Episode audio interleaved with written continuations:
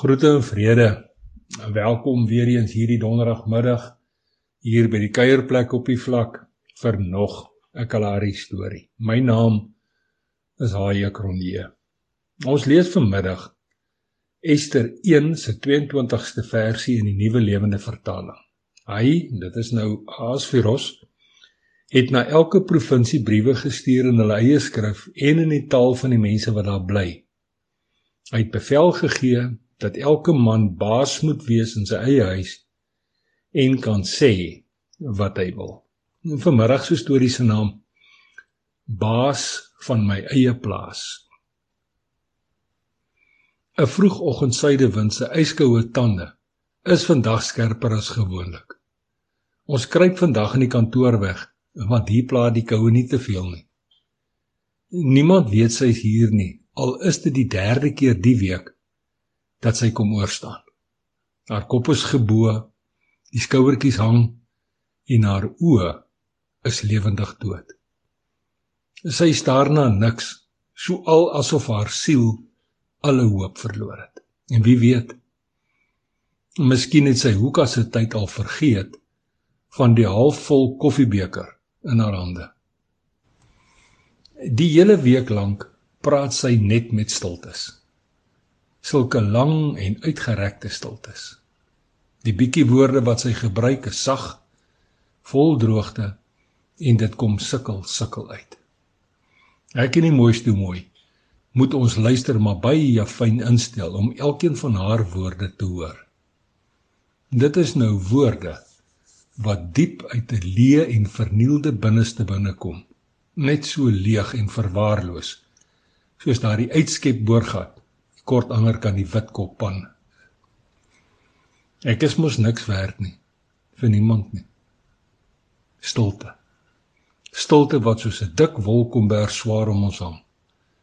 Versigtig sit sy die koffiebeker tussen haar voete neer en haal diep asem.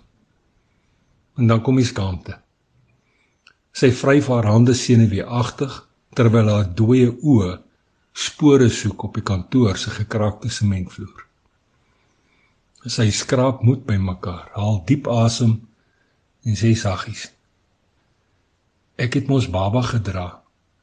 En toe sê die man ek moet 'n plan maak met die baba. Hy gaan nie weer sy hand in sy broeksak steek om geld uit te haal nie. Toe sê hy ook ek moet maar 'n abortus vat. Hy sê so want hy's die baas van ons huis. Sekondes voel soos minute. En dan fluister sy verder. Ek was voor laaste week dorp toe vir die abortus. Nou is ek weer alleen by myselfers. Want die baba is uit en die man Diese voete het wind ingekry op hy selfde dag wat ek dorp toe is. Haar hartseer fluisterwoorde sweef die kantoor vol terwyl 'n stille traan oor haar wang kruip. Heelwat later daardie aand sit ek in die kombuis. Ek wou vir oulaas net 'n stukkie uit die Bybel lees alvorens ek agter die mooiste mooiste blad gaan inkruip. Steeds weer klink haar fluisterwoorde in my gemoed, oor en oor, die hele dag lank. Fluisterwoorde wat ek probeer verstaan, maar ek kan nie. Ahasveros, die koning van Persië, se baas van my eie plaas bevel, soos opgeteken in Ester se boek, vang my oog. 'n bevel wat hy as koning laat opteken het omrede sy vrou, dis nou die beeldskone koningin Vasti, blykbaar sy narcistiese eer gekrenk het. Sy het net geweier om soos 'n skouperd voor hom en sy gaste te paradeer. Hierdie Ahasveros se baas van my eie plaas bevel bepaal onder meer dat elke man baas moet wees in sy eie huis. Sy woord is en bly wet, ongeag wat.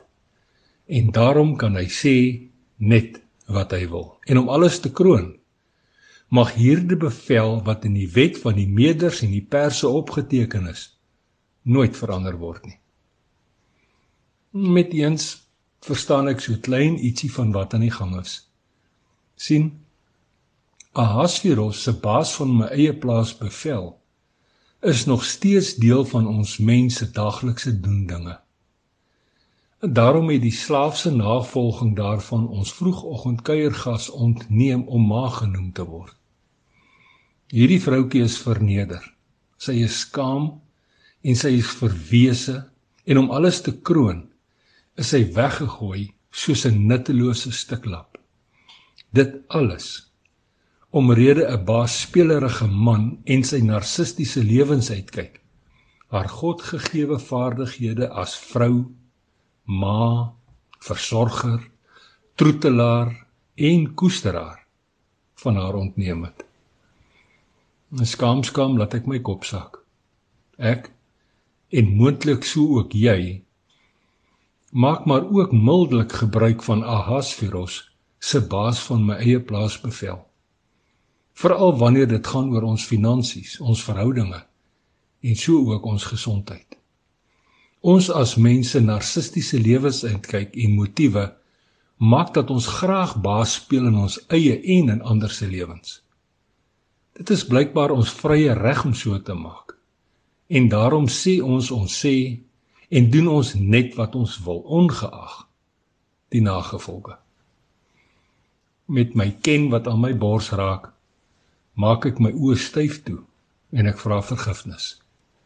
Vergifnis omdat ek ook so maklik uitverkoop raak aan Ahasveros se baas van my eie plaas bevel veral as ek nalat om hom as God drie enig onvoorwaardelik lief te hê en so ook alle ander mense goed.